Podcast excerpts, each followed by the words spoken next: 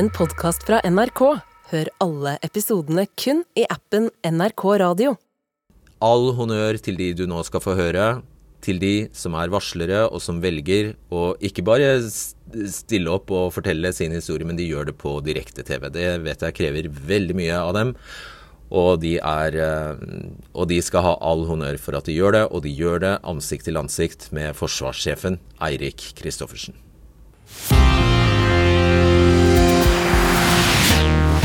For åtte år siden ble det innført allmenn verneplikt for jenter i Norge. I festtalene heter det seg at det har vært en stor suksess. Og i tall er det en stor suksess. Mer enn 34% av de som avtjener førstegangstjenesten, er nå kvinner. Så når politikere og forsvarsledelse bestemte seg for at begge kjønn har en plikt til å forsvare Norge, da tilrettela de vel for at det skal være et trygt sted å være? Forsvarets egen undersøkelse viser at 63% av kvinner under 30 år har opplevd seksuell trakassering i Forsvaret. Og hva snakker vi om da? Her er et knippe utsagn flere kvinner i førstegangstjenesten på Bardufoss har meldt fra om sjefene til Forsvaret. Kan du dra opp genseren, vær så snill? Jeg har så lyst til å se puppene dine. Kan du dra ned dyna, så jeg kan få se på rumpa di mens jeg runker? Kan du åpne buksesmekken, så jeg kan få kjenne litt på musa? Jenter er til for å misbrukes. Og jeg skal hjem på perm og voldta jenter. Silje Fanmår, velkommen hit. Du har fortalt om din opplevelse i førstegangstjenesten til oss i NRK. Og jeg tror vi starter på begynnelsen her. Hvilke forventninger hadde du da du ble innkalt, for det ble du? Eh, Jeg forventa at det kom til å bli det beste året i mitt liv. Det var det jeg forventa. Hva så du for deg da? Jeg så for meg et uh, lærerikt år Um, med mye samhold. eh, Bli kjent med mange nye folk, eh, og, og ikke minst oppleve uh, mye mestring. Ja. Hvordan ble det? Ble vel uh, egentlig stikk motsatt, kan du si. Vil du bare for, forklare oss, eh, holdt på å si det er feil ord i denne sammenheng, eh, høydepunktene? Høydepunktene. Eh, ja. Eh, jeg opplevde jo en god del mobbing og seksuell trakassering. Eh, seksuelle overgrep. Eh, brudd på taushetsplikt og gjengjeldelse på varsling, som jeg har varsla på. Skal vi ta det alvorligste først? Altså, Du ble utsatt for, et, for seksuelle overgrep. På en, hyt, på en telttur, hyttetur. Jeg var på en eh, hyttetur ja, med en god del medsoldater der jeg ble eh, voldtatt. Uh, og så har du også gjennomlevd masse kommentarer. Kan ikke du gi noen, eh, Var de av det slaget jeg leste opp her? Ja, alle de kommentarene du leste opp, er jo fra mitt varsel. Ble det, var det noen av dem som gjorde alvor av ja, Skal tolke det som trusler, kanskje? Eh, ja, også det, til meg så starta det jo med kommentarer da, eh, av seksuell karakter. Eh, oppfordring til seksuelle tjenester. Eh, kommentarer på kropp og utseende og sånne ting. Og så gikk det jo etter hvert over til fysisk berøring, da. Og du sa jo selvfølgelig nei. Hva Ja. skjedde da? Nei, jeg opplevde jo å ikke bli hørt da, da jeg sa ifra. Eh, for først så sa jeg jo fra til dem det gjaldt, holdt jeg på å si, og så varsla jeg jo etter hvert eh, fra til befalet om det, og opplevde at de ikke tok det på alvor. Ja. Så det er mange som egentlig har eh, fått med seg at dette skjedde med deg. Hvor vanlig eller uvanlig Hvor vanlig eller uvanlig var det? Eh, vanlig Altså Det som skjedde der, skjedde det andre? Ja, i den avdelinga jeg var i, så skjedde det ganske mange, faktisk. I mer eller mindre grad. Ja, Og du følte deg naturlig nok uh, utrygg? Jeg følte meg utrygg, ja. Eh, var det et stort og vanskelig skritt å varsle? Ja, det vil jeg si. Uh, det var jo Altså, det ble oppfatta som at jeg ikke var tatt på alvor. Eh, og at det ble bagatellisert av ledelser da jeg varsla. Eh, det var òg vanskelig å eh, gå til det steget der jeg sa ifra om alt detaljert tydelig nok. Det tok et par måneder, faktisk. Og det er jo fordi at jeg følte at jeg måtte velge mellom å akseptere det her trakasseringa for å bli inkludert med soldatene, og det å faktisk si ifra at det her er ikke greit, og da bli ekskludert.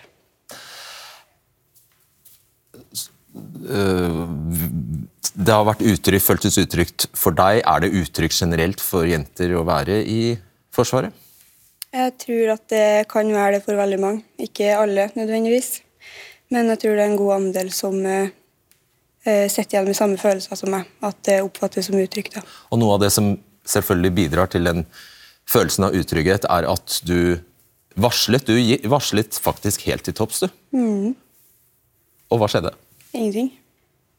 Overhodet ingenting. Det er så godt som ingenting. Ja, ja Erik Kristoffersen, forsvarssjef, hvordan kan det skje? Ja, for det første så må jeg si at uh, Å høre historien til Silje gjør jo dypt inntrykk på meg. Det svir langt inn i sjela. og Jeg må berømme Silje også for å være modig og stå frem og fortelle sin historie. Og så er det jo opplagt at det her har jo Forsvaret håndtert dårlig. Og det har jo også de tidligere varslingssakene som NRK har eh, vist og avdekka, eh, vist at håndteringa er for dårlig. Så Forsvaret må bli bedre på både forebygging, men også hvordan vi håndterer varsler når det først går galt. Husker du hva jeg spurte om? Jeg spurte om hvordan det kunne skje. Ja, det skjer jo fordi at uh, det er folk som ikke oppfører seg. Det er folk som begår helt uakseptable handlinger. Og så blir det ikke tatt godt nok tak i. Det er derfor det, det skjer. Hva er mest uakseptabelt? å begå en voldtekt, eller ikke ta det på alvor og ta tak i det når det varsles? Hva er mest alvorlig? Ja, begge deler er jo veldig alvorlig. Eh, det er veldig alvorlig at folk blir utsatt for overgrep. Og det er veldig alvorlig at eh, Silje ikke følte seg trygg i førstegangstjenesten. Jeg tror jeg spør igjen, hvordan kan det skje? Det skjer jo pga. at eh, forebygginga er for dårlig, og fordi at håndtering av varsel også blir tatt for dårlig. Og I dette tilfellet så varslet Silje til hærsjefen, og hun sier det skjedde ingenting. Hvordan forklarer du det? Jeg vil ikke kommentere nøyaktig eh, detaljene i Silje sin sak. Det er en sak som, som er eh, av hennes, eh, av hennes eh, sikkerhet. Viktig at den håndteres profesjonelt. Eh, både i Forsvaret, eh, men også i, i oppfølginga av hvordan det er håndtert fremover. Så, men generelt så skal det her ikke skje. og, og Derfor har vi også siden i fjor forsterka hvordan altså både med personell og kompetanse på hvordan varsel skal håndteres. Og Det kommer vi nærmere inn på, men eh, siden du sier det du sa nå, at du ikke kan gå inn i detaljene her, så eh, tolker jeg det sånn du kjenner detaljene? Jeg kjenner grovt eh, Silje sin sak, eh, de store linjene rundt eh, hvordan varselet skjedde, hvordan det er håndtert i Hæren. Og så er det masse detaljer som, som Hæren håndterer. Ja, Hva sier hærsjefen til deg, da? Hvordan forklarer han det? Hærsjefen har, har jo forklart at han jobber med saken eh, fortsatt. Den er ennå ikke avslutta. Eh, og så eh, vil heller ikke han gå inn og kommentere detaljer i hver enkelt sak. Hjelper dette noe? For min del så hjelper det jo ikke Altså, jeg får jo ikke svar på det jeg lurer på. Du må bare vente litt, sier han nå. Ja. Du må bare vente litt, så får du svar. Ja. Nei jeg, Hva vil du si til forsvarssjefen? Jeg, jeg syns det er for dårlig. Jeg syns det er helt uakseptabelt at det ikke har blitt tatt tak i før, og at det ikke blir gjort skikkelig med en gang. Ja, og Det er jo det jeg berømmer også Silje for, for å si ifra. Der skal vi ordne opp i, og den prosessen har starta egentlig for lenge siden, og så er det fortsatt for dårlig. Så vi har gjort mye, og det er fortsatt mye som gjenstår. Bernt eh, Heiberg, du er bistandsadvokat eh, til eh, Silje Fanmår. Jobber for Elden. Har du fått noe nyss i hvor lenge Silje skal måtte vente på et svar? Nei, men det som er helt klart er at dette er en helt uakseptabel saksbehandlingstid. Det er heller ikke riktig at dette er én varslingssak fra Siljes side. Hun har gjentatt varslet flere ganger om flere forskjellige kritikkverdige forhold. Det varselet som nå er til behandling i Hæren, eh, er varselet om hvordan varslingene tidligere er behandlet. Altså Varselet på de ansatte i Hæren, på befalet, på hvordan de har håndtert Siljes situasjon. At de ikke er behandlet? den? At de ikke har behandlet den. Eh, og at de tvert imot, istedenfor å behandle den og istedenfor å beskytte en varsler, eh, og se ressursen av at noen forteller om hvordan kulturen er, eh, istedenfor velger å ekskludere Silje fra situasjonen hennes. Utdyp det litt, Silje, fordi du sier at reaksjonen her var gjengjeldelse og utestengelse. Hva betyr det? Hvordan ble det? Jeg opplevde at jeg ble straffa for å varsle, og at jeg ble behandla dårligere jo mer jeg sa ifra fra mitt befal. Og helt konkret, hva betød det at du satt, ble sittende Jeg, alene? ja, jeg, måtte, altså, jeg ble isolert på rom. Eh, jeg fikk ikke være med på kurs og utdanning, likt som de andre soldatene. Eh, Jeg fikk ikke være med på oppdrag og øvelse. Jeg ble fratatt arbeidsoppgaver og ja, rett og slett behandla urettferdig. Ja, og det er jo igjen, eh, sånn skal det ikke være. Det som er en konsekvens av det vi har sett i Silje sin sak og andre sine saker, er jo at den gamle måten å varsle på var jo å varsle gjennom linja, altså til nærmeste sjef, eh, deretter til neste sjef osv.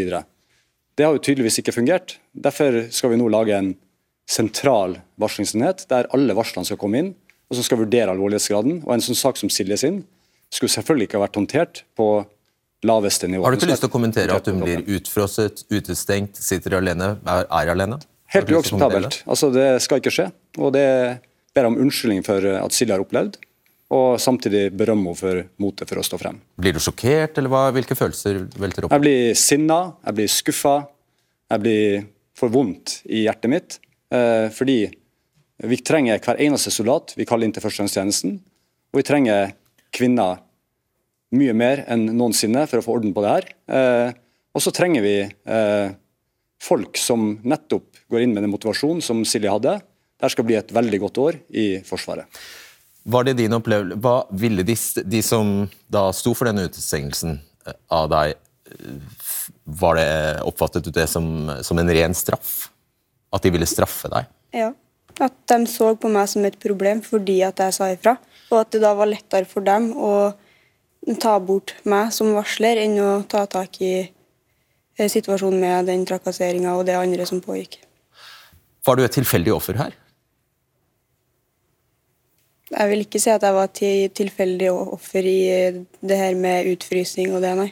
Nei, så det var, Det var det var, det var med overlegg fra de andre. Det, det, det jeg lurer på da er, igjen, det må ha vært mange vitner til dette her. Ja. Det må ha vært mange som så det samme.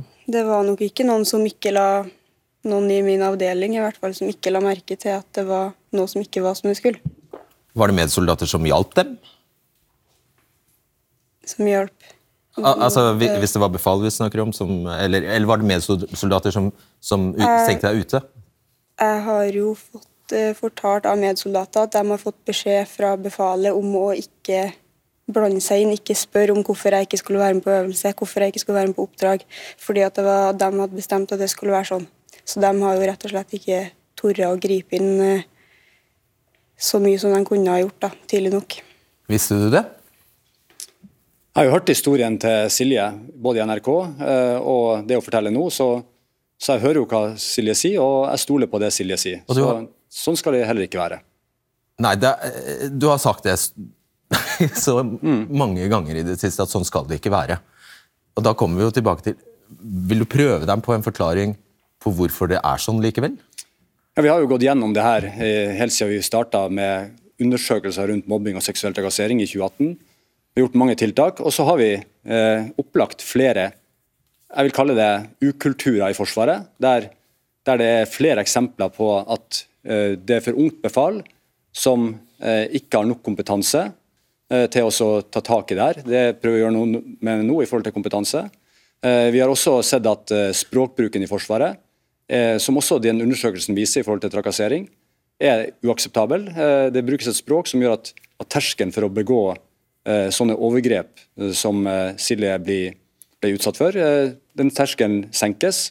Eh, og vi fortsetter å gjøre tiltak både for at det skal være best mulig Ja. for alle som er inne, og at det skal være trygt å varsle. Men det kan umulig være noe du har oppdaget i går?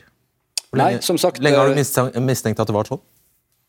Hvor lenge jeg mistenkte? Nei, jeg mistenkte veldig lenge. Så da jeg ble sjef Hæren eh, i 2019, så var pri 1 våre verdier. Eh, og det samme videreførte jeg til når jeg ble forsvarssjef. Det, vi skal ha et eh, forsvar der folk har respekt for hverandre. Og det som Silje har opplevd, undergraver både forsvarsviljen, men også forsvarsevnen vår. Og så er det først og fremst en krise for den som blir utsatt for det. Og så er det jo skjødesløst å be unge jenter om å vie ett år av livet sitt til Forsvaret, og så har ikke du tilrettelagt bedre enn at det er dette de møter.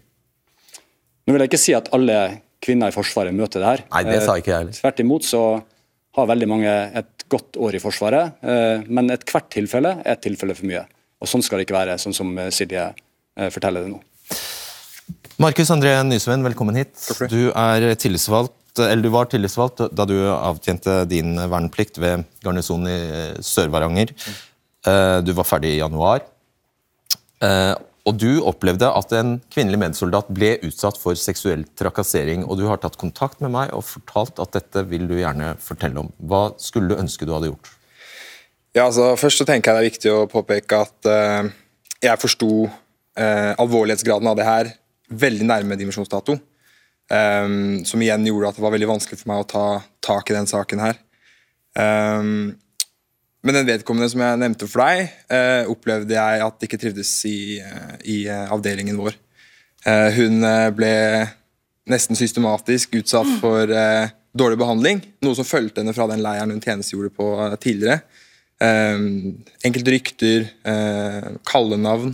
Rykter om Nei, hennes eh, væremåte rundt seksuell aktivitet. Eh, enkelt og greit. Hvordan eh, Ja, hun ble rett og slett eh, fikk rykte på seg for å være løs. løs. Um, uten noe som helst hold i de ryktene. Så dette var bare rykter som fulgte henne, og som ble trodd fullt og helt på. Så når hun da kom til vår avdeling, så, så var dette noe som beit seg tak. Hun um, Dette ryktet fulgte henne faktisk landet rundt. ja, eller fra den ene leiren til den andre leiren, da. Stemmer. Ehm, så så eh, etternavnet hennes ble jo, jo eh, tukla med, sånn at det ble seksualisert, blant annet. eh, bak ryggen hennes. I tillegg så tjenestegjorde hun med veldig mange gutter. Uh, som, som lagde skalaer på hva en, hva en bra jente er, da. Hvor hun var med, om ikke hun var med og diskuterte den skalaen, så var hun i hvert fall i rommet når den skalaen ble offentliggjort. Og det var helt tydelig at hun var absolutt ikke på topp på den skalaen. Og hvorfor sa ikke du Du, du visste, du skjønte det, det gikk opp for deg at dette skjedde. Og du sa ikke fra, fra i tide. Nei, det, det syns jeg ikke at jeg gjorde. Jeg synes eh, Det tar jeg som selvkritikk. Um, jeg skulle ønske jeg forsto eh, at hun hadde det så ille som hun hadde det. Eh, hun endte jo med å dimittere tidligere enn hun skulle.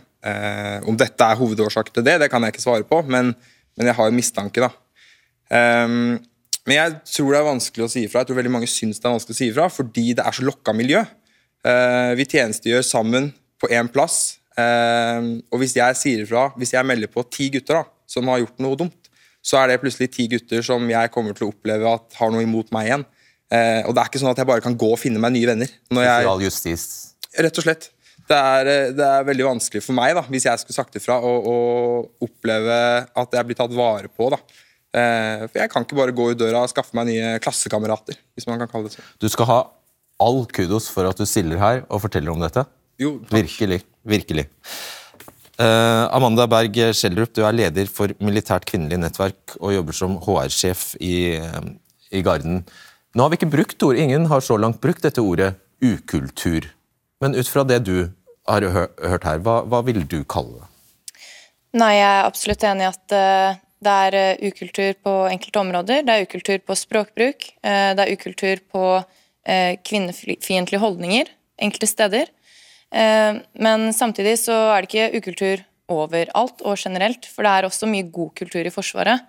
Eh, og å dra én avdeling eller én ting under samme kam, det opplever jeg feil, er feil. Hva er det da som svikter i disse historiene her, når vi hører at det er nesten Ja, det er jo brakkejustis, da. Det er jo egentlig det vi eh, hører om. Og at det er utrolig Det skal veldig mye til å være den som står opp mot uh, dette her. Hva er det da som har sviktet? Nei, altså Indrejustisen står jo sterkt hos uh, vernepliktige og også hos befal. og Det er jo for å styrke disiplinen i en positiv forsterkning. Og jeg ser jo helt klart at, uh, at det kan gå motsatt vei. Um, det som er ekstra trist i denne saken, er jo at det gjelder jo vernepliktige. De må være her. Det er grunnlovfesta. De kan ikke slutte. De kan ikke dra. Eh, og det er også vår rekrutteringsbrønn til videre karriere og tjeneste i Forsvaret. Så at eh, personellet til førstegangstjeneste blir ivaretatt på en god måte, er veldig viktig. Jeg lurer på, jeg tror alle her lurer på, hva blir de fortalt på første dag? Hvilken kursing blir disse som nettopp var russ, Hvilke få, hvilken kursing får de i vanlig folkeskikk, og i likestilling og i oppførsel? Ja, altså Vi har jo laga et uh, rekruttprogram som, vi har lagt felles for hele Forsvaret, der sju uker skal være likt, uansett hvilken stilling du skal ha senere. Og I det programmet så inngår det eh, opplæring i hvordan man skal håndtere mobbing og seksuell trakassering, hvordan det skal reageres. I tillegg til krigens folkerett og, og uh, de opplagte tingene man bør lære, utenom rent militære ferdigheter. Så, så det at det, det, kommer rett fra russetida, er ikke noe unnskyldning. Fordi Forsvaret klarer å lære de her unge soldatene både å bli gode soldater, eh, men også eh, å sove på samme rom, eh, stå opp, gjøre rent og alt det der i løpet av kort tid. Da klarer vi også å lære hvordan det skal være i Forsvaret. Skiller dere ut de brødrene karene? Tester dere holdningene til dem før, de, før dere tar dem inn? Altså, det gjennomføres jo en sesjon der man går gjennom kan du si at folk er sikkerhetsklarert, at de har altså, rent rulleblad, at de, har, at de har fylt ut en egen erklæring som sier hvordan helsa er, Eh, om de er motivert for førstegangstjenesten. Det er jo det som er den innledende seleksjonen. Og så møter de her 19-åringene som det stort sett er, på, på rekruttskolen. Ja, Så dere vet egentlig ikke hvilke holdninger de har når de kommer inn? Til kvinner, f.eks.? Det er jo et godt spørsmål. Hvilke holdninger har de til kvinner? Det, det er ikke, det er ikke noe vi, ja, de kan spørre om det. det. det. gjør vi ikke. Nei, det gjør dere ikke. Men vi spør om, Hadde folk, det vært en god idé? Vi spør om folk eh, eh, krangler. Det blir gjort eh, Altså om de har eh, Altså Man prøver å finne en, en, slags profil på de her menneskene, men det er ikke enkelt med et spørreskjema. Nei, men dere, Jeg regner med dere sørger for å skille ut de som er nynazister og veldig veldig voldelige, f.eks.? Altså, vi skiller ut de som har noe på rullebladet. Det er 19-årige mennesker som har verneplikt, som skal møte i førstegangstjeneste. Og så, og så vil de jo i løpet av rekruttskolen så blir du veldig godt kjent med de folkene. og, og fordele dem etter tjeneste etter, etter det. da. Hvor, hvor, grundig var det kurset i holdt på å si, folkeskikk du, du gikk gjennom? Nei, Jeg opplever egentlig at uh, fokuset på RAM, da, som er Forsvarets kjerneverdier, var veldig bra. Um, men i forhold til det med holdninger mot uh, andre kjønn, da, både gutter og jenter, uh, kunne vært bedre. ja. Ja, for har, det nærmest var en presentasjon da. det? Eh, ja, det, det, det, var, det er jo ofte det, mye av rekrutten er. At man sitter i en eh, kinosal for eksempel, og hører på et befal prate. Så det er, eh, det er veldig tradisjonell undervisning, da, hvis man kan kalle det på den måten. Er det, er det så overfladisk? Kan du bekrefte det? det han sier, ja. Og, og, så skjer det ikke noe mer? Altså, da, etter det så forutsetter man bare at man har gode holdninger? Ja, det så at man bare gå gjennom en, kan en leksjon, da. Eh, og så krysser man av for at da, da, var det gjort. Da var det gjort? Mm. det er jo ikke betryggende. Nei, og Det er jo derfor vi også har innført flere tiltak. For F.eks. så har vi noe i, helt, helt konkret i Hæren så er det innført eh, noe som kalles eh, 'ikke i mitt lag', som er en samtale som skal gjennomføres. Eh, uansett om det er på, på kjøkkenet eller ute i et lag i, på grensa, eller om det er eh, folk som jobber i stridsstrømbataljonen som, som Silje kommer fra, så skal det gjennomføres sånne samtaler. Eh, der man snakker om hvordan har vi det, og hvordan vil vi egentlig ha det hos oss. Ja, Men det var fort gjort, sier de. Ja, De, de refererte til, til den leksjonen som var på rekruttskolen. Det har Vi også, eh, vi ser nå på om vi kan legge inn enda mer tid på rekruttskolen rundt der. Opplagt et behov for det. Men så også, det samme med, med, det opplegget med Ikke mitt lag er gjennomført etter at eh, at de dimitterte. Jeg skal bare legge til at Grunnen til at vi går såpass grundig gjennom og egentlig i, på detaljnivå her, er at jeg tror det er litt nødvendig for oss som ikke er i Forsvaret akkurat nå, uh, å forstå hva vi egentlig sånn helt spesifikt eh, snakker om. Uh, Bjørn Arild Gram, du er forsvarsminister, og du har, du har sagt uh, til NRK i dag at vi må være oppmerksomme på hvordan hierarkiet og maskuline verdier spiller inn på kulturen i Forsvaret. Hva i all verden mente du med det? Så jeg tror jo ting kan skje i mange slags settinger når folk samles og møtes, men vi skal ta inn over oss at vi kan ha noen særskilte utfordringer i en militær organisasjon. Her er det eh, veldig mange unge folk som møtes, eh, skal være i lag eh, mer eller mindre døgnet rundt. Eh, det er et hierarkisk system, ordrebasert. Eh, det kan hende at dette gjør noe med kulturen. Eh, ja, hierarkiet er jo greit, det skjønner jo alle at sånn må det være i, i Forsvaret. Det spesielle jo. er at du sier at det er et maskulint miljø. Hvorfor sier du det? Ja, Det er mulig at det er et feil uttrykk, da, men, men det er klart Nei, Det var kanskje bare ærlig, så jeg lurer på, på Ja, altså, jeg, jeg, jeg, tror, jeg, tror, bare vi skal være oppmerksom på det at det i, en, i et forsvar, i en militær organisasjon, så kan vi stå overfor noen særskilte utfordringer, fordi at det er noen maktforhold, det er noen settinger du blir plassert i som, som skiller seg fra en del andre settinger. Eh, og Det betyr at vi må ha oppmerksomhet på det. Ja, hva betyr det å ha oppmerksomhet på det? Det handler om å være bevisst. Det, han, eh, det handler jo om Hva betyr det, å være bevisst? Det handler om arbeid med den kulturen som kan utvikle seg i en sånn organisasjon. Det handler om det ansvaret som ledere har. Eh, fordi at det kan oppstå vi har fått, Det er veldig alvorlig det vi får beskrevet. Det går veldig innpå meg. Mm. det, er, det er helt totalt uakseptabelt. og jeg, jeg vil bare si det, Solvang, fordi at du starta med, med det, at vi, altså, he, ungdommen vår har en plikt til å møte det. Du var inne på det. Å bruke et år enda mer av livet sitt. og Det gjør de på, for oss alle. Eh, og det er klart, Da skal de være trygge. Vi har et forsvar for at det skal være trygt i Norge. Da må det være trygt å være Forsvaret. Det, det kan godt hende det bare var meg, men grunnen til at jeg bet meg fast i, merke i at du fra, framhevet dette maskuline trekket ved kulturen i Forsvaret, det er at du, du står jo politisk ansvarlig for for åtte år siden å ha innført denne allmenne verneplikten for jenter. Og, og så Ja, kommer du her det, etter åtte år og 30% kvinner i Forsvaret, og så kommer du etter åtte år og sier ja, vi har en maskulin kultur i Forsvaret. Jeg tror, jeg tror at det, når jeg var i for, Forsvaret for lenge lenger siden, så var det veldig få veiter som var der. Og jeg, jeg, som jeg tenker tilbake på, tror jeg de hadde liksom helt gjennomgående veldig tøft. Jeg tror det har vært vært mye bra med at du nå har fått mange flere veiter inn i Forsvaret. Som betyr jente. Ja. eh, eh, og det, eh, Nydelig ord. men jeg, hadde- håpa at det hadde betydd enda mer for kulturen enn det vi kanskje hører at det har gjort. Nettopp. Da skal vi ta en tur innom Lena Kvarving, som er oberstløytnant ved Nordisk senter for kjønn i militære operasjoner. Du er med oss fra Stockholm, for det er der du jobber. og Du har skrevet doktorgrad om kjønn og likestilling i Forsvaret. Du kaller Forsvaret en du går mye lenger enn Gram. Du kaller Forsvaret en hypermaskulin organisasjon som bare verdsetter det tøffe. Det må du forklare. Ja, eh, det vil jeg gjerne. Tusen takk for at du setter eh, tematikken på agendaen. Eh, La meg forklare noe med at Forsvaret har et veldig maskulint mandat. Eh, og Det betyr at vi i verste fall eh, skal ta liv, og kanskje også ofre vårt eget. Det å ta liv er kanskje noe, noe av det mest maskuline oppgaven man kan gjøre. Og vi må også tøffe oss opp, hvis du kan forstå det sånn, bli maskuline for å kunne gjøre en sånn oppgave.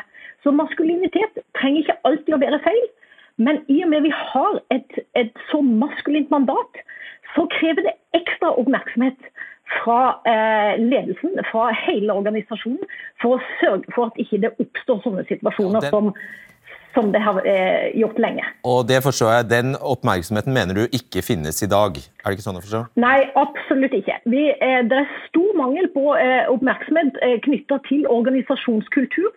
Eh, og jeg syns at eh, dette forsøket på å redefinere eh, hva skal jeg si, ukultur, eller den dårlige kulturen fra krise til enkelttilfeller, til kulturproblem, til flere ukulturer, det må vi bare stoppe med. Det viktige er å innse at vi har en ukultur. Og så er det mye bra, men det er ikke det vi skal snakke om. Vi skal snakke om det som skal bli bedre. Hva skal du gjøre? Er, ja, For det første så må man begynne med ansvarliggjøring. Vi kan ikke snakke om at verdier er det viktigste vi har, og sette det på agendaen hvis det ikke får konsekvenser når det brytes. I tillegg så trengs det en skikkelig diagnose på kulturen i Forsvaret. Hvor er det ting ikke fungerer? Og Det gjelder ikke bare på mobbing eh, og trakassering og varsling osv. Det gjelder eh, hele organisasjonen, som trenger en gjennomgang for å se hva er problemene våre. Det har det blitt forska veldig mye på. Det vet vi veldig mye om.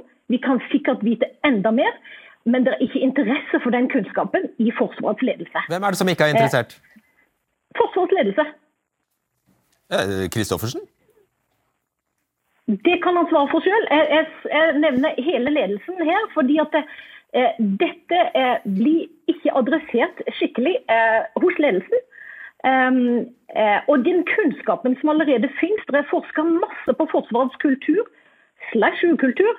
eh, eh, og det skjer ingen endringer. Okay, det og det da- får heller ikke konsekvenser. Det er deg hun snakker om, Lena Kvarving. Det er deg, Kristoffersen.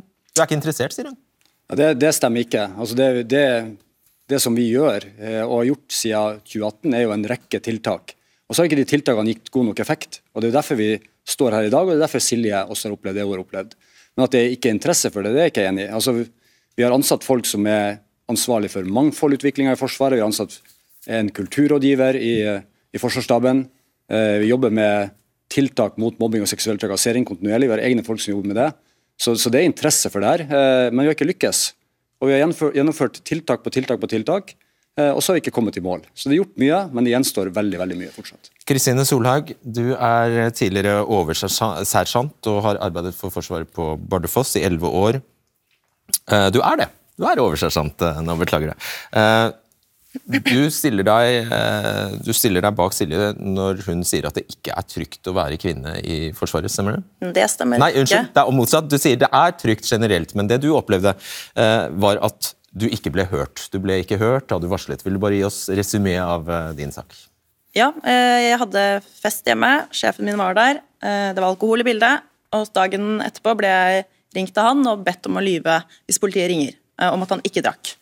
Det ble en politisak, eh, og jeg ble ja, Han møtte opp på døra mi hjemme, møtte opp på jobb, sa ifra til eh, sjef, stabssjef. Følte jeg ikke ble hørt. Ja, det er kortversjonen. Og da er vi egentlig inne på det som handler om varsling. Fordi du varslet, ja. og hva skjedde? Først vil jeg bare si at jeg mener det er trygt, eh, og har opplevd at det er trygt å være jente i Forsvaret.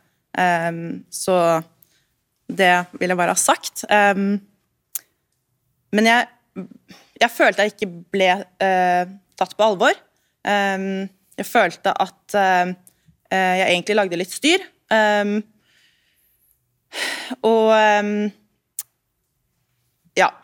Og det, det endte jo faktisk med at det var du som ble omplassert, og han fikk bli. Jeg følte meg pressa ut av bataljonen fordi de hadde tenkt å Eller han skulle eh, fortsette eh, i samme stilling. Så eh, jeg måtte se meg etter noe annet og ble oppfordra egentlig til det, ja. Og bytta avdeling. Det gjorde jeg. Og det syns du er en elendig moral, regner jeg med? Ja. ja. Hva vil du, og Er dette et enkelttilfelle? Vet du om flere sånne saker? Jeg har ikke opplevd Eh, sånne her saker. Jeg har ikke erfaring med varsling bortsett fra min egen. Så jeg, jeg eh, Hva var det som ikke fungerte med varslingen, da? Hva var det du gjorde, og hva var det som ikke skjedde? Det skjedde Jeg, jeg følte det ikke skjedde noen ting. Eh, han fikk på en måte Han ble flytta, men eh, da til en, en høyere stab. Eh, og jeg følte at han bare fikk fortsette som før.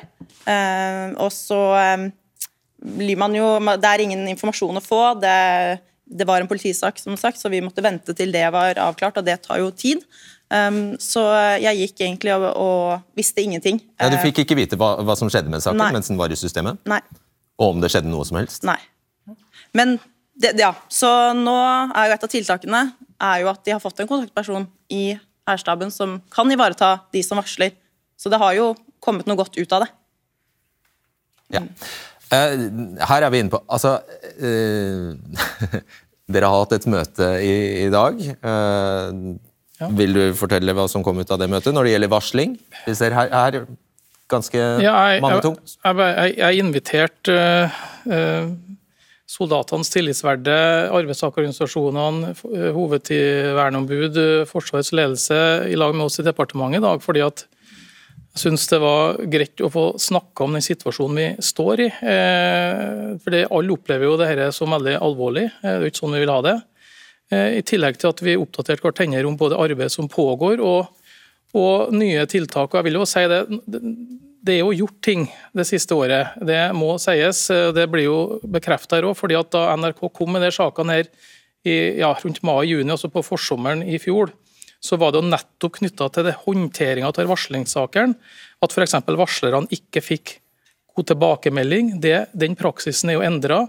At det var for variabel oppfølging av ulike varslene. Det kunne variere fra plass til plass eller eh, situasjon til situasjon. og at det var for ulik praksis når det gjelder konsekvens av uakseptabel atferd. Og Det er jo det her, det er tatt en rekke grep rundt det siste året for å, for å få det her mer i orden. Sånn Skal det bli strengere straffer, var det det du sa? Nei, sånn at, ja, sånn at du, du det, det, det, det, jo, det, kom jo fram i de reportasjene at uh, det ikke nødvendigvis har fått de konsekvensene for folk. Nei, ofte har det ikke fått annen konsekvens enn at det blir sparket oppover. så det er derfor jeg lurer. Ja, Det, ja, er mange forskjellige historier, men en, en, del av det som var satt i gang, var jo at det ble eh, en del av de åpne varslene og tidligere varslingssaker ble gjennomgått på nytt av forsvarssjefen, og det fikk òg uh, ytterligere konsekvenser for en del etter den gjennomgangen. Uh, hva, hva, er nytt? En sentral varslingsenhet, uh, har jeg hørt om? Nei, det, det, det, er flere ting som er nytt, og også basert på, på varslingen og de erfaringene vi gjorde fra i fjor. Uh, så er det, som forsvarsministeren og Kristine sa, det, det, er både informasjon til den som varsler, er blitt forbedra. Man skal få vite hvor saken står og hva som ble konsekvensene. Det samme med, med si, oppfølginga av både den varsla og den omvarsla. Det skal følges tett opp.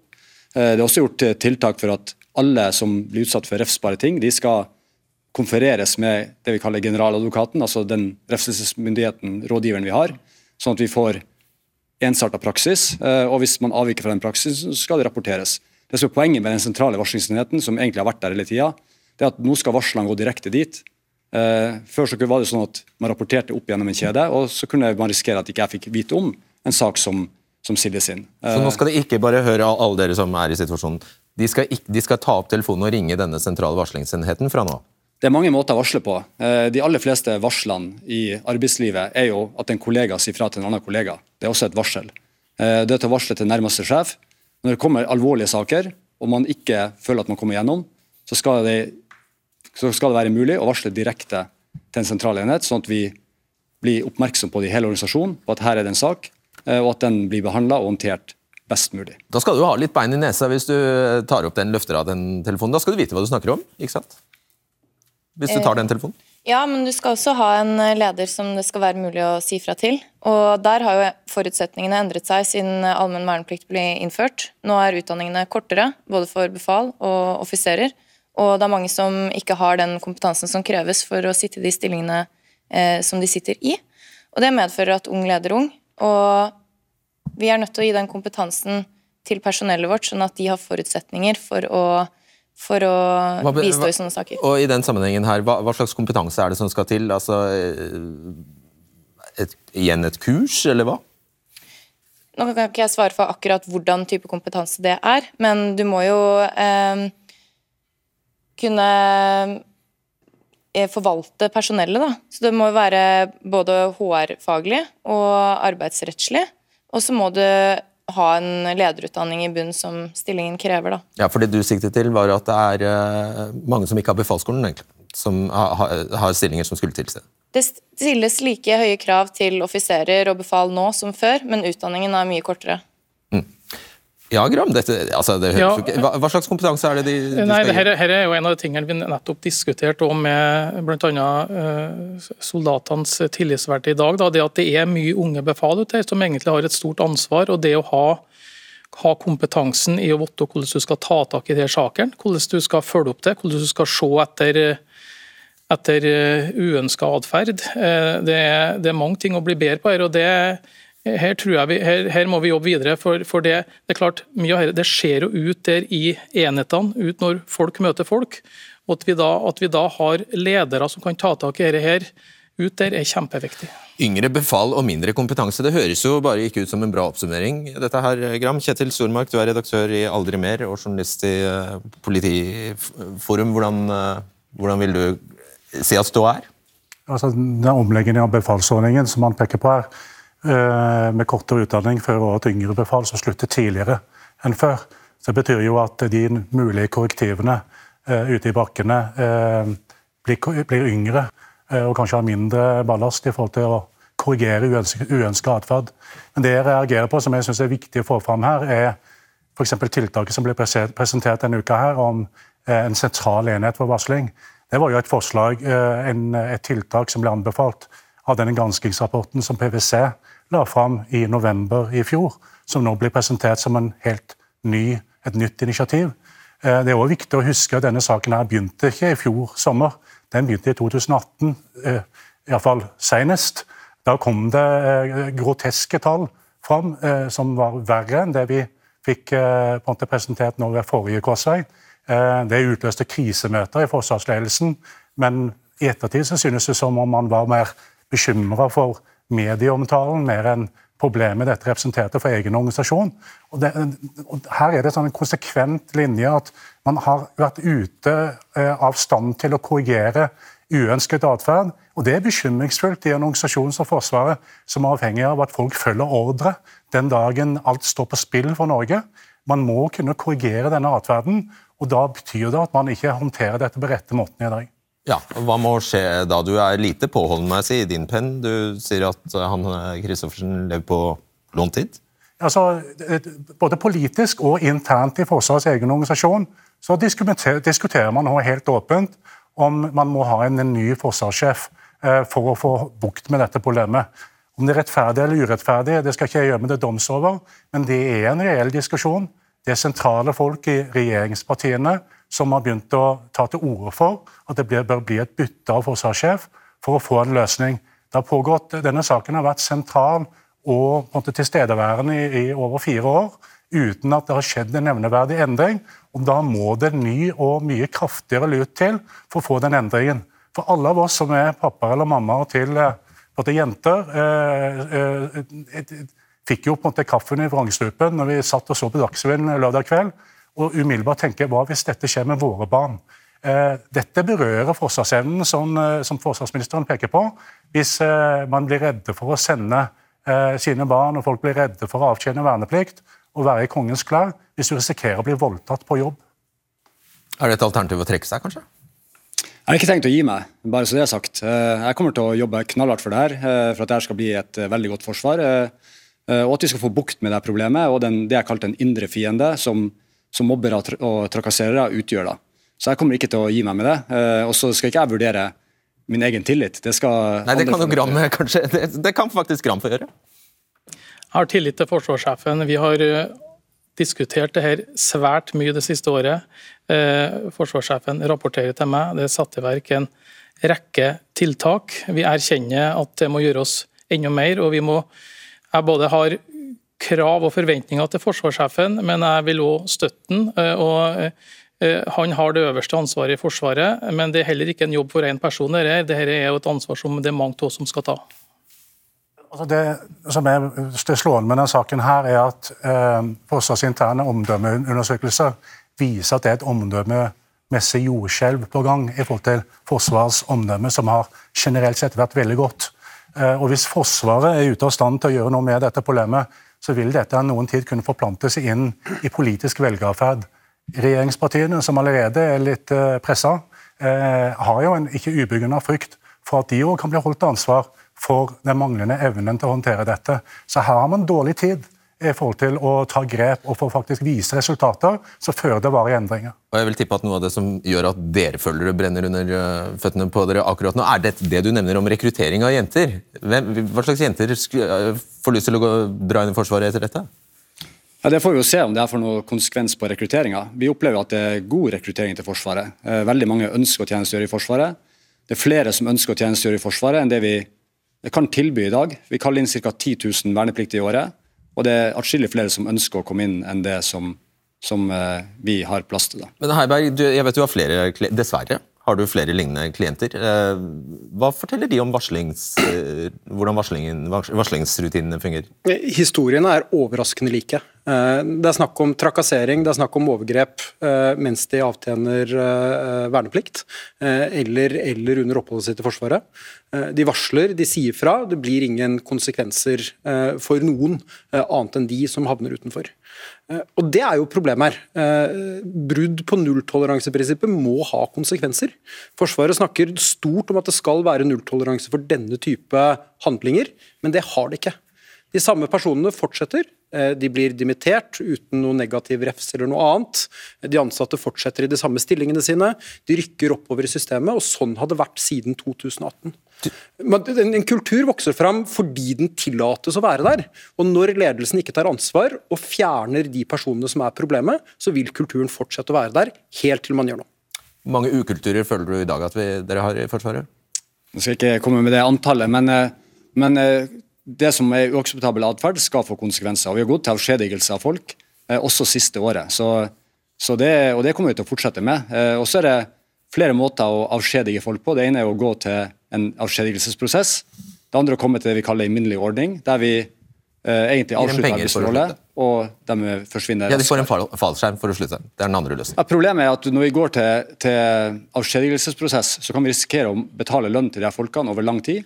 Uh, mens når vi inngår i en ordning der de uh, får en viss uh, etterlønn, for å si det sånn, så blir vi kvitt dem fortere. Så det er en vurdering vi gjør i hvert enkelt tilfelle. Du, du, har gjentatt dette her, at det, det er nulltoleranse for seksuelle trakassering i Forsvaret og mobbing. Har du en handlingsplan for å effektuere denne nulltoleransen? Ja, det har vi. Vi har, en, vi har en plan med en rekke tiltak, både i det forebyggende og i det si, håndteringssporet. Så Fordi det, Vi har jo bedt dine folk om å få se den handlingsplanen, og vi ja, får den ikke. Den kan du få. Den kan vi få? Ja. Ja. Om uh, handlingsplanen for å, i det forebyggende arbeidet. Det, den er klar. Og, og den har delmål, og den har resultatmål? Ja, den har en rekke tiltak om hvordan det skal oppnås. Uh, og så er målet at vi skal ha et forsvar der uh, det er absolutt helt trygt for alle å tjenestegjøre, og der vi har nulltoleranse for, for overgrep av den arten som Silje ble utsatt for, men også mindre saker, som er egentlig der det starter, med uvettig språkbruk og og eh, de holdningene som, som også forsvarsministeren snakka om. Jeg ønsker å si meg uenig i det som blir sagt om uh, mistillit til forsvarssjefen, for det er ikke noe som uh, alle ansatte i Forsvaret mener. Um, vi opplever forsvarssjefens intensjon om nulltoleranse som klokkeklar. Og så er det lett å se til forsvarsledelsen, fordi det er de som har det overordnede ansvaret. Men alle vi som bærer uniform på jobb hver eneste dag, vi har ansvaret for å sette den intensjonen i praksis, og det går helt ned til de vernepliktige i makkerparet, og det forventer vi. Ja. Jeg vil jo også bare si at jeg som varsler velger jo også å fortsette. Jeg er jo kjempestolt av å jobbe i denne organisasjonen og støtter veldig det Amanda sier. Full tillit, og det er masse tiltak som er iverksatt, og vi vet det kommer flere. Så jeg som varsler velger også å fortsette i organisasjonen, og det betyr noe, det òg. Hva får det deg til å tenke når du hører det? Uh, ja. Jeg hadde jo sjøl lyst til å fortsette, men eh, jeg gjorde jo ikke det. Så men du har ikke utelukket det helt, har jeg skjønt? Nei. Det Vi får se om eh, forsvarssjefen klarer å rydde opp nå. Er det krigsskolen det ikke, som står på plakaten? Det er ikke jeg som mister deg, det er du som mister meg, i så fall. Det, det er poenget. Mm. Det er jeg som mister de Det er Forsvaret som trenger kvinner. Eh, det er ikke kvinnene som trenger å være i Forsvaret. Og du har ikke råd til å miste henne, vel? Har ikke råd til å miste noen. Eh, vi trenger alle de folkene vi har. Eh, vi gir dem utdanning, trening, og da skal vi også ta vare på dem. Mest, først og fremst for deres egen del, men også for, for forsvarsevnen, som, som, også Kjetil Stormark snakka om. Nå kommer det jo folk etter deg i løypa, det kommer jenter etter deg. Hva er ditt, eh, Hvis du skulle gitt et råd da, til de som er yngre enn deg, hva, hva skulle det vært? Stå på, og ikke gi dere. Stå på, og ikke gi dere? Mm. Ok, jeg syns det var bra. Ja. Greit. Tusen takk for at dere kom, ikke spesielt eh, deg, Silje. Og takk, eh, tusen takk skal alle ha. Vi er tilbake på torsdag. Takk for i kveld. Bortsett fra at denne saken har eh, vært veldig høyt oppe i nyhetsbildet, at det er veldig gode NRK-kolleger som har stått for disse sakene, så må jeg vel innrømme at det er noe i dette komplekset som pirrer meg veldig journalistisk. Fordi når, det, når, vi har å gjøre med noe som man vet har foregått i så mange år, og så innkalles de til hastemøter og krisemøter, og de kaller det ukultur, så er det bare et eller annet som eh, er ubegripelig. Det er for meg bare kjemperart at eh, det ikke tas mer rev i seilene, og at man ikke gjør mer. Det må jeg innrømme. For en utenforstående som meg så virker det rart at man ikke gjør mer for å unngå Eh, denne fadesen. Så det er det som uh, virkelig har trigget meg, og som gjorde at uh, jeg syns dette var et veldig riktig og spennende tema. Og så håper jeg selvfølgelig, så klart, at uh, det, vårt lille bidrag kan monne. Tror jeg setter punktum der, og så er vi tilbake på torsdag. Ha det bra. Du har hørt en podkast fra NRK. Hør alle episodene kun i appen NRK Radio.